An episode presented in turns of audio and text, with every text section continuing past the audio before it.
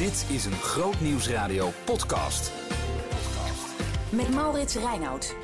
Welkom bij een speciale podcastserie van Groot Nieuwsradio in samenwerking met ProLife. Deze serie gaat over het huwelijk en hoe je dat gezellig, aangenaam en duurzaam kan houden.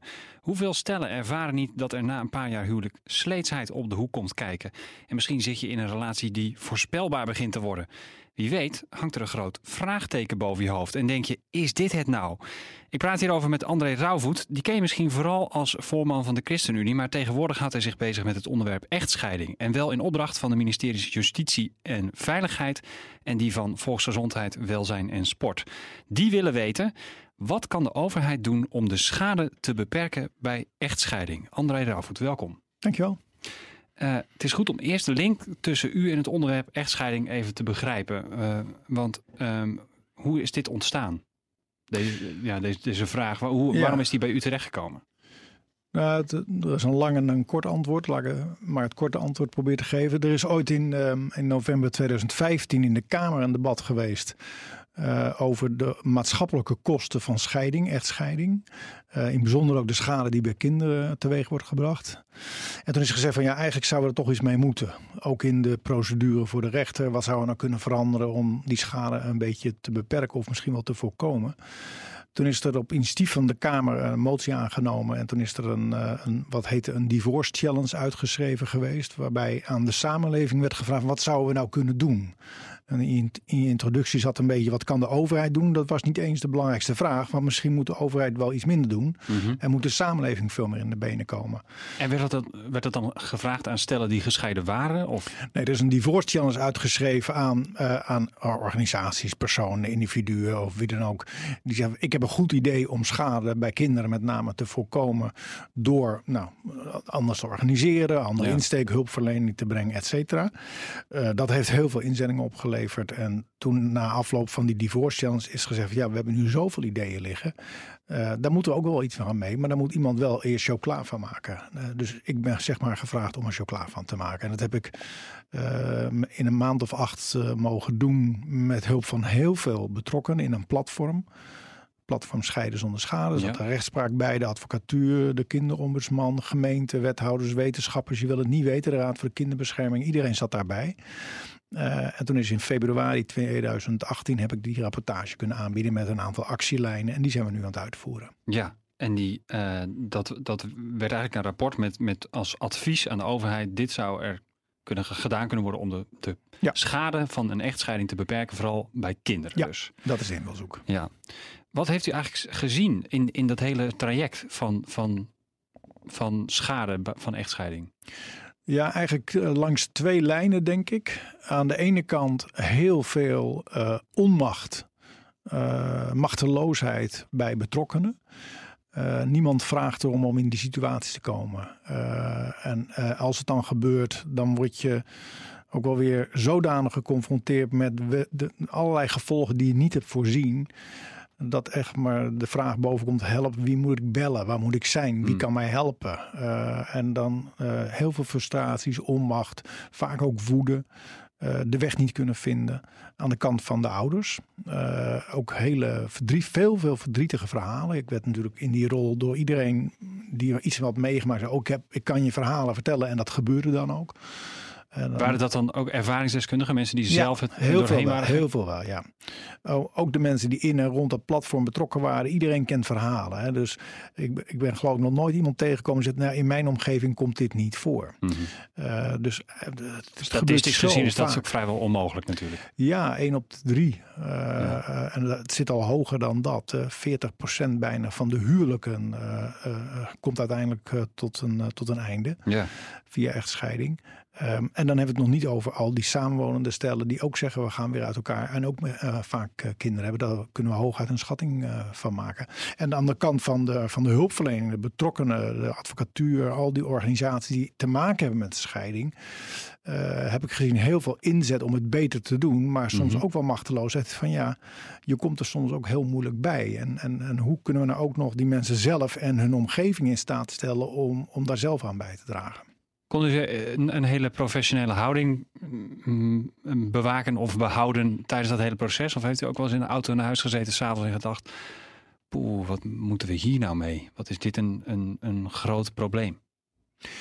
Nou, je loopt wel tegen allerlei dingen aan van je zegt dat zal nog een hele dobber worden om daarbij te komen. Want kijk, in essentie is het het verbreken van een relatie, of het nou een huwelijksrelatie is of een samenwoningsrelatie, maar als mensen uit elkaar gaan en ze hebben kinderen, is en blijft dat in eerste instantie een relationele aangelegenheid. Mhm.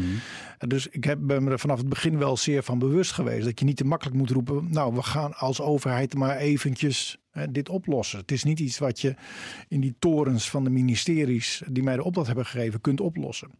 Uh, dus de gerichtheid op de samenleving. We moeten het met de mensen zelf doen. We moeten de samenleving hierbij betrekken. Dat is van meet af aan wel uh, heel duidelijk uh, geweest.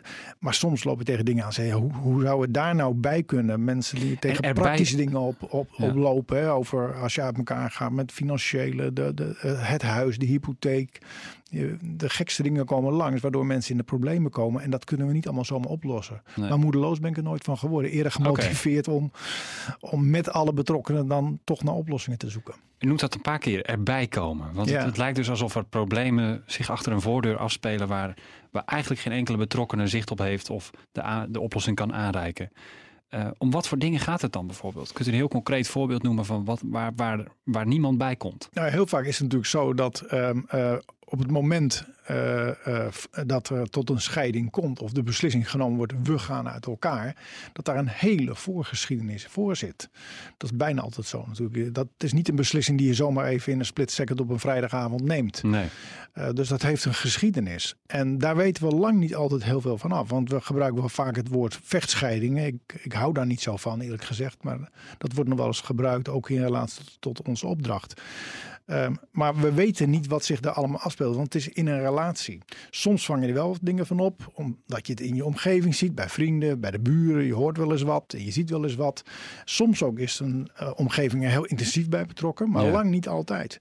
Maar als het dan naar buiten komt, als het dan uh, uh, het moment daar is dat de beslissing valt, we gaan uit elkaar, dan is de beleving van heel veel mensen van ja, dan in één keer sta je met je hele bak ellende in één keer in het volle licht.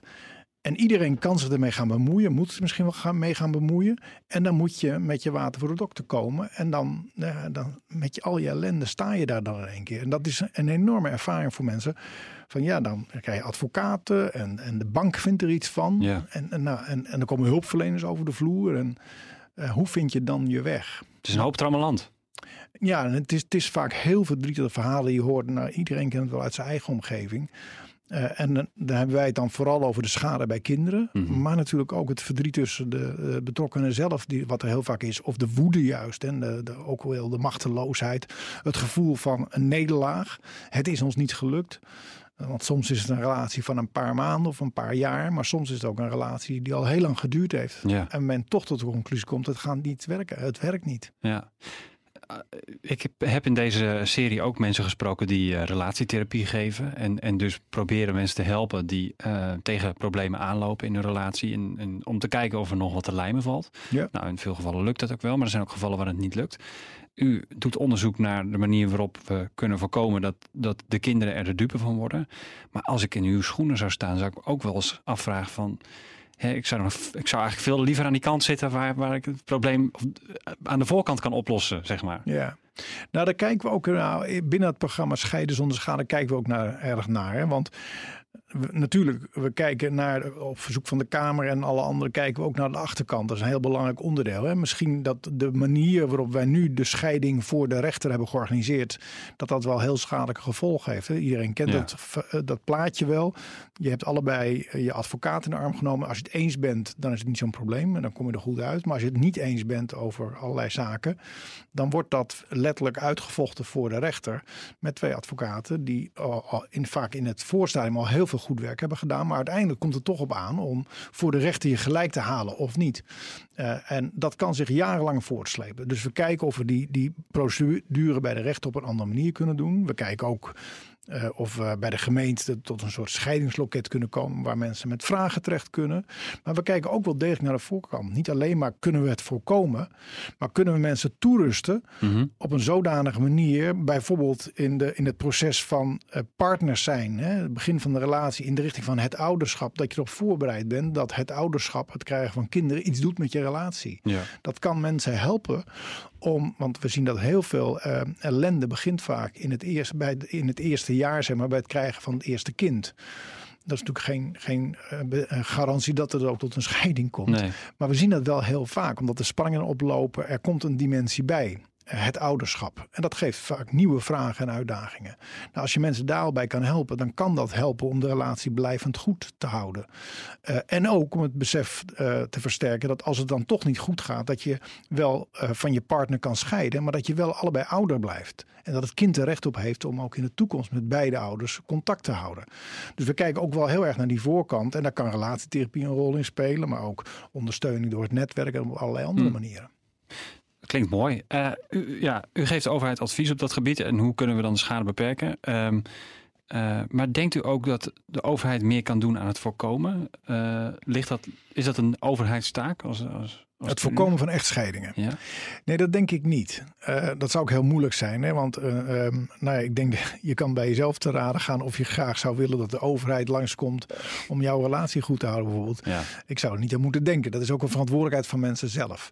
De overheid kan wel een taak hebben in het, in het probeert te voorkomen dat uh, zo'n beslissing onnodige schade met zich meebrengt. Nou, dat is precies de reden waarom ik destijds die opdracht gekregen heb. Uh, en je vroeg even waarom dat was. Nou, dat heeft ook iets te maken met mijn uh, verleden als betrokken bij jeugd- en gezinszaken, als minister, maar ook wel in de jeugdzorg. Mm -hmm.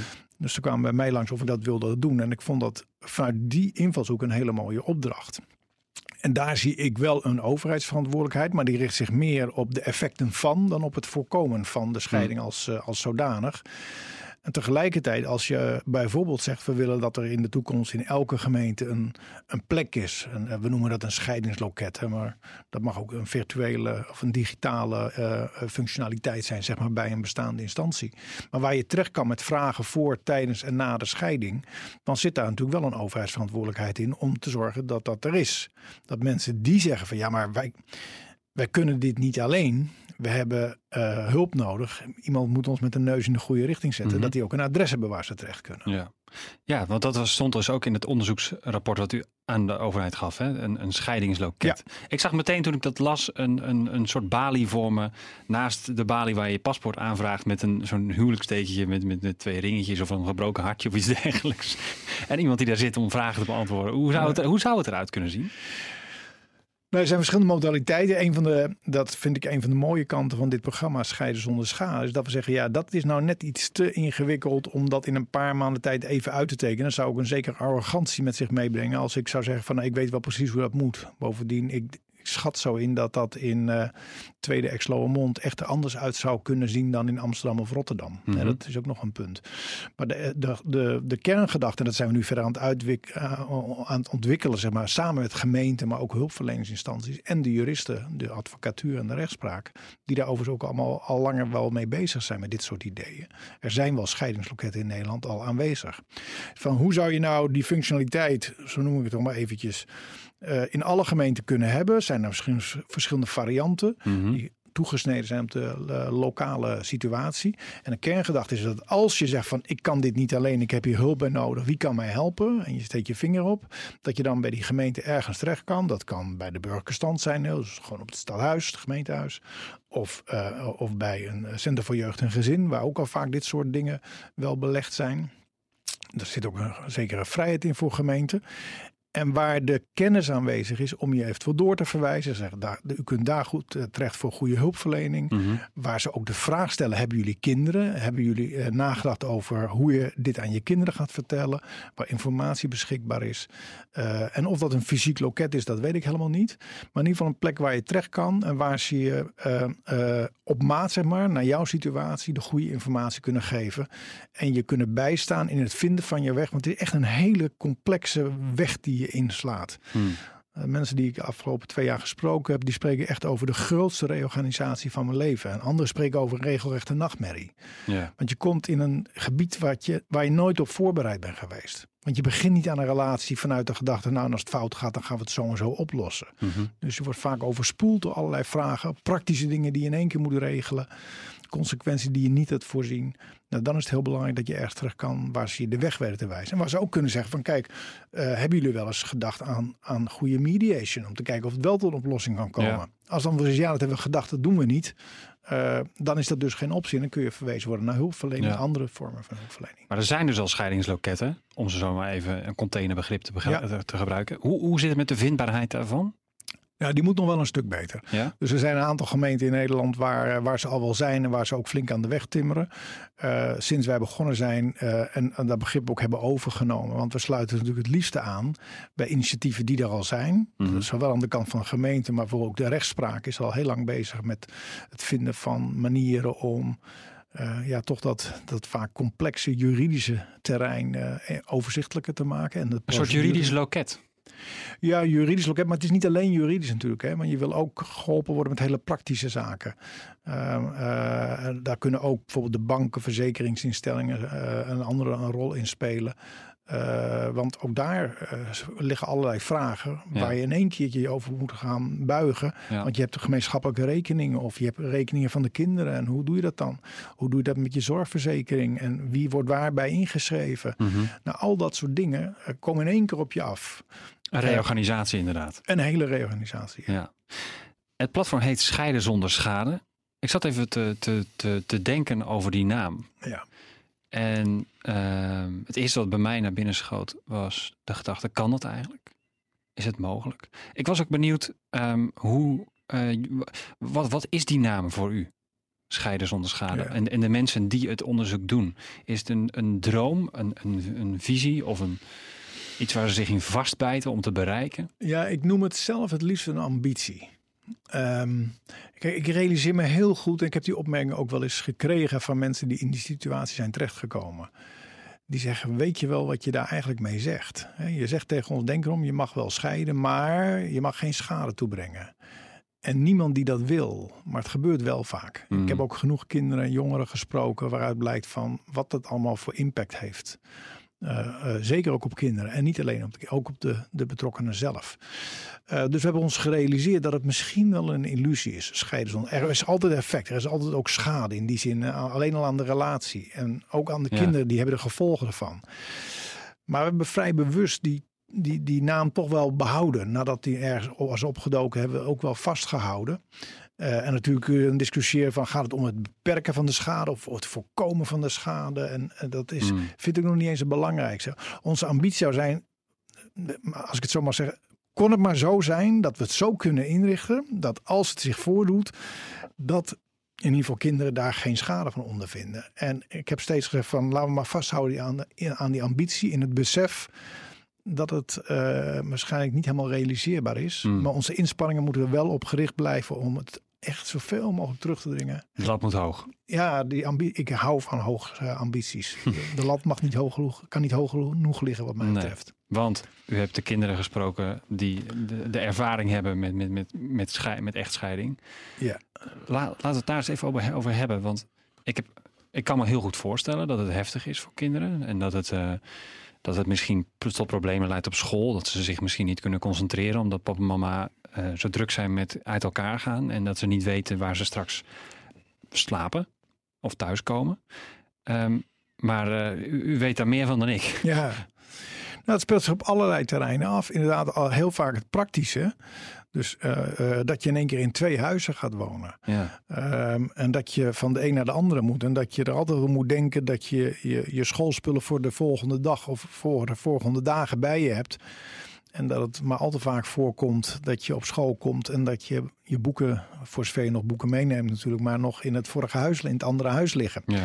Uh, en als een leraar op school, middelbaar onderwijs, voortgezet onderwijs bijvoorbeeld, als die dat niet weet, dan is dat ingewikkeld. Uh, maar we zien het in heel veel kleine dingen, die misschien kleine dingen lijken, maar voor kinderen heel belangrijk kunnen zijn. Ik heb voorbeelden gezien en gehoord van uh, uh, het jaarlijks uh, uitje of een, een, een skivakantie, geloof ik. Hè. Dan Mhm. mm -hmm. ga je een weekje met, met wat is het, klas 4 van het voortgezet onderwijs, Ja. ga je naar Oostenrijk. Ja. En dat er ruzie ontstaat of je wel of niet mee mag. En dat er toestemming van beide ouders moet zijn voor, voor zo'n reis. Of de een zegt, ja, hij mag wel mee, maar ik ga het niet betalen. En de ander wil ook niet betalen. Een kind kan heel makkelijk knel komen te zitten tussen ouders die in één keer niet meer het gemeenschappelijk belang hebben om het goede voor het kind te zoeken. Maar allebei hun eigen visie erop hebben. Ja. Uh, en daarnaast nog een keertje het feit hebben dat ze, dat ze elkaar soms dwars zitten. Of uh, het gevoel hebben dat ze dwars worden gezeten door de ander. En nogmaals, ik onderstreep, dat doen ze niet bewust. Er is geen ouder, denk ik, die zegt: Nou ga ik het over de rug van mijn kind uitvechten. Maar het gebeurt in de praktijk wel dat het kind daar onder knel komt uh, te zitten. Ja. En dat kan met honderd dingen. Voor medische behandeling heb je toestemming van beide ouders nodig. Soms gebeurt het dat dat niet gebeurt. Wat moet er dan gebeuren als een kind in één keer naar het ziekenhuis moet? Uh, zo zijn er honderden dingen te bedenken waar kinderen gevolgen van zo'n beslissing van hun ouders van ondervinden. En dan heb je nog dus, laat ik zeggen, de meer extreme voorbeelden, waarbij uh, uh, uh, nou, bijvoorbeeld door de komst van een nieuwe vriendin of een nieuwe vriend in het leven van een van de ouders, ja, daar moet je als kind ook mee verstaan. dat is niet altijd makkelijk. Mm -hmm. Hoe stelt die zich op? Hè? En kun je dan nog echt bij allebei de ouders over de vloer komen?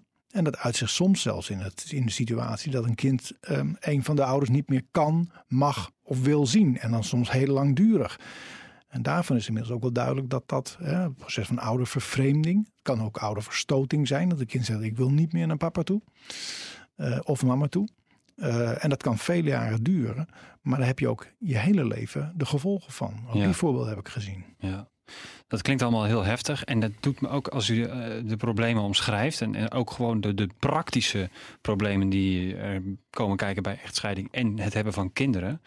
Uh, doet me een beetje. Nou, wekt bij mij de vraag op: is het niet zo dat het aantal echtscheidingen vooruit is gegroeid, zeg maar, ten opzichte van wat wij eraan kunnen doen om, om dat in goede banen te leiden? Uh, met andere woorden, het, het, aantal echtscheidingen is enorm natuurlijk. Uh, 38, 39 procent geloof ik vorig jaar. Zo ongeveer. Ja. ja. Um, maar, en dat is een, een, een, ja, een hockeystick als het ware. Het is, het is hard gegroeid in de afgelopen tien jaar. Um, zijn wij, lopen, lopen we achter de feiten aan als samenleving? Nou, misschien is dat deels wel onvermijdelijk bij dit verschijnsel. Hè? Omdat als men, je kunt het als samenleving meestal niet zien aankomen. Laat staan als overheid. Want je bent daar niet bij als s'avonds er uh, ruzie is. Of mm. er problemen zijn die langzaam groeien en groter worden. En de relatie in de weg staan. Daar ben je uh, over het algemeen niet, uh, niet zomaar bij. Dat is overigens wel een van de belangrijke redenen dat wij hebben gezegd van... we moeten hier niet primair naar de overheid kijken. En werd er mij nog wel eens gevraagd van wat zijn nou overheidsinterventies die hier kunnen. En ik zeg, in het hele uh, rapportje wat ik aangeboden heb, staat het woord interventie komt daar niet in voor. Hmm. Omdat ik zoek het niet in interventies, maar we zoeken het misschien wel in eerste instantie in het toerusten, in het faciliteren van de betrokkenen zelf. Maar ook uh, het besef in de samenleving dat uh, relaties en ook het verbreken van relaties weliswaar in eerste instantie iets van de mensen zelf is. Mm -hmm. Maar dat als je dingen in je omgeving ziet gebeuren, dat je daar ook niet bij weg kan kijken. Dat er ook een soort gezamenlijke verantwoordelijkheid is om mensen op hun verantwoordelijkheid te wijzen, ze bij te staan. Niet zo, hé, hey, je mag geen ruzie maken, hé, hey, je mag niet uit elkaar, maar wel kunnen we iets voor je betekenen in jouw relatie, in je relatie tussen jullie beiden en je kinderen, of in het vinden van je weg om tot een nieuwe situatie te komen. En dat, dat besef uh, versterken is wel een van de rode draden van dit uh, programma. Samenleving kijkt niet weg, maar wees betrokken. Als, als ik vanavond merk dat er bij de buren uh, een ruzie is. En uh, dan, dan bel ik niet meteen de politie of het wijkteam of zo, of de hulpverlener hmm, nee. of een advocaat. Nee. Maar wat doen we nou als dat avond aan avond het geval is? Of je ziet dat de kinderen van de buren of van goede vrienden of van familie eronder lijden. Zeggen we dan ja, bemoeien we ons niet mee. Dat is een uh, relationeel probleem, daar gaan ze zelf over. Mm -hmm. Of rekenen we het ook als samenleving tot onze verantwoordelijkheid om het gesprek aan te gaan. Om er te zijn voor die mensen en te kijken of we ze kunnen ondersteunen. En Oké, okay, dus de, samen, de samenleving, u, dat is inderdaad de buurman wat u betreft. Dat, is, dat, dat kan familie, vrienden, de buren. Ik bedoel, iedereen heeft in zijn vriendenkring dit soort situaties. Ik geloof niet dat het anders is. Hmm. Uh, en dat, uh, dat, dat moet je met wijsheid doen. Want je moet niet zeggen van, ik kom even vanavond bij jou praten, want dit kan zo niet. Mm -hmm. Uh, maar goede vriendschap of goede familierelatie of een goede burenrelatie kan zich er ook in uiten dat je zegt van, joh, ik merk dat dat speelt bij jullie. Kan ik iets betekenen? Of heb je wel eens gedacht aan? Of kan ik met je meedenken? Dat hoeft niet een vorm van bemoeizucht te zijn. En uh, dan is het juist belangrijk dat we niet direct zeggen: Oh, dit is iets waar we de overheid bij in gaan schakelen. Nee. Maar je kunt mensen wel attenderen op de mogelijkheden die er zijn. En die mogelijkheden willen we ook nog wel een beetje uitbreiden. Waar valt de meeste winst te halen op een korte termijn? Nou, wij denken dat met zo'n scheidingsloket in ieder geval uh, mensen een mogelijkheid wordt geboden om informatie te halen, om met hun vragen ergens terecht te kunnen. Hè? Want dat was echt opvallend in dat eerste jaar waarin ik hiermee bezig was, wie ook sprak. De beleving, in één keer kom je in een situatie waar je nooit aan gedacht hebt, mm of heel lang niet aan gedacht hebt. En dan, ja, wie bel ik dan? Die vraag kreeg ik het meest. Waar moet ik zijn? Wie bel ik dan? Zo'n adres is er eigenlijk te weinig of niet. Dus zo'n scheidingsloket is niet een antwoord op alle vragen, is niet een oplossing van de problemen, is wel een heel belangrijk instrument voor mensen om hun weg te vervolgens eh, te vinden. Als dat op een goede manier ook bemenst wordt met, met deskundigheid en professionaliteit. En ik denk de verbinding tussen uh, zorg en recht, zeg maar. Hè, dus dat mhm. we de, de, juridische procedure voor de rechten niet loskoppelen van alles wat daarvoor al is gebeurd. Daar is de rechtspraak gelukkig ook al een tijd mee bezig om te kijken van, moet je daar niet ook een gedragswetenschapper bij hebben? Zelf denk ik wel eens van, en dat zijn we ook aan het onderzoeken, met uh, in de, wat wij noemen de regiolabs, waarin we dat scheidingsloket een beetje ontwikkelen en die nieuwe procedure uit gaan testen van ja, zou je niet moeten streven om alles wat met kinderen te maken heeft, in ieder geval uit die rechtszaal te houden? Want vroeg of hmm. laat uh, worden ze daar ingetrokken en ingezogen en speelt ze dat ook allemaal af ehm, eh, in een hele formele setting. En ik heb er situaties meegemaakt, in de rechtszaal een tijd gezeten, dat allemaal gevolgd. Die denkt, ja, maar dat is voor ook een omgeving voor een kind, dat maakt een onuitwisbare indruk op, op zo'n kind. Ja. Ik heb volwassen mannen gesproken die zeggen van... ik weet nog dat ik als achtjarige... en dat een man in een zwarte jurk tegen mij zei... dat ik niet meer naar papa mocht gaan. Of dat ik wel naar papa moest gaan en ik wilde niet naar papa gaan. Uh, dat, is, dat stempelt een heel leven. Kan traumatisch zijn. Ja, kan traumatisch zijn. En als er een slagen om dat soort dingen buiten de rechtszaal op een andere manier af te doen, dan zou er ook een geweldige winst mee te, maken, mee te winnen, uh, behalen zijn. Maar ik denk wel, alles wat ik zeg, dat zijn allemaal infrastructurele en procedure kwesties. Dat is allemaal belangrijk, moeten we echt doen. Maar ik denk wel dat wat daaronder ligt, dat besef dat het ook een samenlevingsvraagstuk is. En dat we vroeg of laat gaan al die hulpverleners en de advocaten gaan weer weg. Die zijn weg. Uh, en dan zit je er weer met je vragen en met je nieuwe mhm. praktische problemen die we opdoen. Hè? Maar je, je omgeving die blijft. Dus je familie, je vrienden, je buren. Dus hoe beter we erin slagen om dat uh, besef in de samenleving te versterken, hoe meer winst op de lange termijn, denk ik, we, we kunnen behalen. Maar dat lijkt me ook de moeilijkste slag om te maken. Ja, dat vergt een enorme communicatie, het vertellen, het blijven communiceren. Uh, en uh, ja, de boodschap blijven herhalen. En waar zit het hem wel beide gebeuren? In, in, in, publiekscampagnes? Of, Bijvoorbeeld, ja. Hè, dus de informatie verstrekken. En niet alleen de informatie van hier kunt u een goede advocaat vinden. En dat is een goede mediator. En heeft u wel eens aan relatietherapie gedacht. Maar ook gewoon het onderliggende verhaal. En dat proberen we ook wel uit, uh, uit te dragen overal. Dat is natuurlijk veel moeilijker stuurbaar dan het inrichten van een loket. Of het wijzigen van een wetboek waar een procedure in vastgelegd Dat doen we ook. Dat is mhm. overigens ook wel heel ingrijpend hoor, moet je eerlijk zeggen. Uh, maar dat gaan we ook doen als we er op een goede manier uitkomen. Maar we doen het wel beide. Ja. Is de kerk trouwens, heeft hij ook nog een rol hierin? Ik denk het wel, als we het hebben over uh, het sociale netwerk, de omgeving van mensen. Uh, dan, dan reken ik daar een heel breed veld toe, zeker ook de kerken. Uh, maar bijvoorbeeld ook de, ook de werkgevers. Hè? Mm Natuurlijk zijn werkgevers niet verantwoordelijk voor de, de kwaliteit van je relatie. Nee. Maar soms kunnen werkgevers, die ondervinden in ieder geval ook heel veel schade van, van relatieproblemen en scheidingen. Dus die kunnen ook een belang hebben om daar op een andere manier bij betrokken te zijn.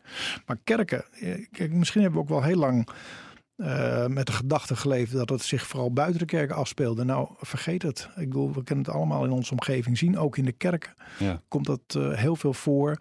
Um, en ik ben ook wel verdrietig geworden soms van de verhalen die ik uit kerkelijke kring kreeg. Van mensen die zeiden, ja, het werkte gewoon niet meer. En de plek waar we eigenlijk de meeste steun hadden gehoopt uh, te vinden, de kerk, die heeft ons in de kou laten staan. Want we werden met de nek aangekeken. Want scheiden, dat mocht niet. Ja, daar word ik wel heel verdrietig van. Dus als we de, de omgeving willen toerusten, dan ligt er ook zeker voor de kerken een taak om uh, even, even los van oordelen, wat je daarvan vindt, ja. maar er wel te zijn voor de mensen die in die situatie zijn terechtgekomen. Ja, eigenlijk net zoals die buurman. Absoluut. Ja. Oké, we hebben het gehad over, over het platform Scheiden zonder Schade, het advies wat u uitbrengt aan de overheid. En ook al dat u begonnen bent met het, met, uh, nou ja, het, onder, ja, het onderzoeken van het effect van scheidingsloketten en de vindbaarheid daarvan. Um, wat voor de komende jaren, uh, wat is voor u het belangrijkste uh, agendapunt ja. waar u naartoe werkt? Nou ja, wa- kijk, wat ik het mooie vond van de opdracht die ik kreeg, is dat het eigenlijk ehm, niet ging om onderzoek. Dus eh, dat, rapport hebben we in acht maanden heb ik dat kunnen schrijven. Eh, en dat staat bol van de acties, actielijnen, oplossingsrichtingen hebben we het genoemd. Dat zijn geen oplossingen, dat is, zou ook een beetje te pretentieus zijn, maar wel oplossingsrichtingen. Van we zeiden, nou dat zou kunnen helpen, zeg maar, om schade bij kinderen eh, te voorkomen. Daar hebben we verder geen onderzoek naar gedaan. Er is heel veel onderzoek gedaan, maar de vraag aan mij was van wat kunnen we, do- we doen? En we is overheid, samenleving, wie dan ook. Eh, en wat ik mooi vind is dat ik toen ik in februari eh, 2018 dat aan de ministers had aangeboden, Sander Dekker en Hugo de Jonge, dat ze toen al gauw ook in een debat met de Tweede Kamer hebben gezegd, dit gaan we gewoon doen. Hm. En dan hebben we het niet over iedere punt en komma, maar die agenda voor actie, zoals ik hem genoemd heb, scheiden en de kinderen dan, eh, die lag daar en daar zei dit gaan we uitvoeren. Dus er is een heel uitvoeringsprogramma ingericht, scheiden zonder schade en ik ben er opnieuw aan verbonden. Dat platform functioneert er nog steeds in. Dus al die partijen zijn nog steeds verbonden. We hebben nieuwe partijen aan verbonden. Het, het onderwijs, psychologen, jeugdzorg, noem maar op. Ehm, en dat gaan we nu doen. Dus we gaan nu die acties uitvoeren. En langs, langs al die lijnen van aan de voorkant, toerusten tot het ouderschap. Mhm. Maar ook het omgaan met relatieproblemen. Tot en met, eh, ja, en als de scheiding dan uitgesproken is, hoe gaan we dan om met de afspraken die daar gemaakt zijn? En komen we die afspraken wel na? En wat doen we als dat niet, eh, niet gebeurt? Nou, en dat moet allemaal wel gebeuren. En dat gaan we de komende jaren heel veel energie in steken. Deels eh, is het al in gang gezet. En die twee grote brokken, het scheidingsloket bij gemeenten en een nieuwe procedure bij de rechter. Ja, dat vergt toch echt even een, een proces van ontwikkelen, uittesten. Want je schrijft ook niet zomaar een, nieuw, eh, een nieuwe scheidingsprocedure Nee. in het wetboek eh, voor burgerlijke rechtsvordering. Dat moet ook zorgvuldig gebeuren. En dat kan alleen maar in goede samenwerking met de rechtspraak, want die gaan daarover uiteindelijk. Ja. En ik ben ontzettend blij dat we daar een goede samenwerkingsvorm voor hebben gevonden. We noemen dat regiolabs, waarbij we een procedure willen ontwikkelen en testen, die dan ook eh, geïmplementeerd kan worden. En Ja. mijn, mijn verwachting is dat dat over twee, tweeënhalf jaar eh, tot een afronding zou moeten kunnen worden gebracht, zodat je ook de noodzakelijke wet en regelgeving eh, daarop kan, eh, Ja. kan wijzigen. Het is een meerjarenplan, sowieso. Zeker, zeker. Er luisteren naar deze serie ongetwijfeld ook mensen die ervoor staan. Voor die scheiding. Of er misschien wel in zitten.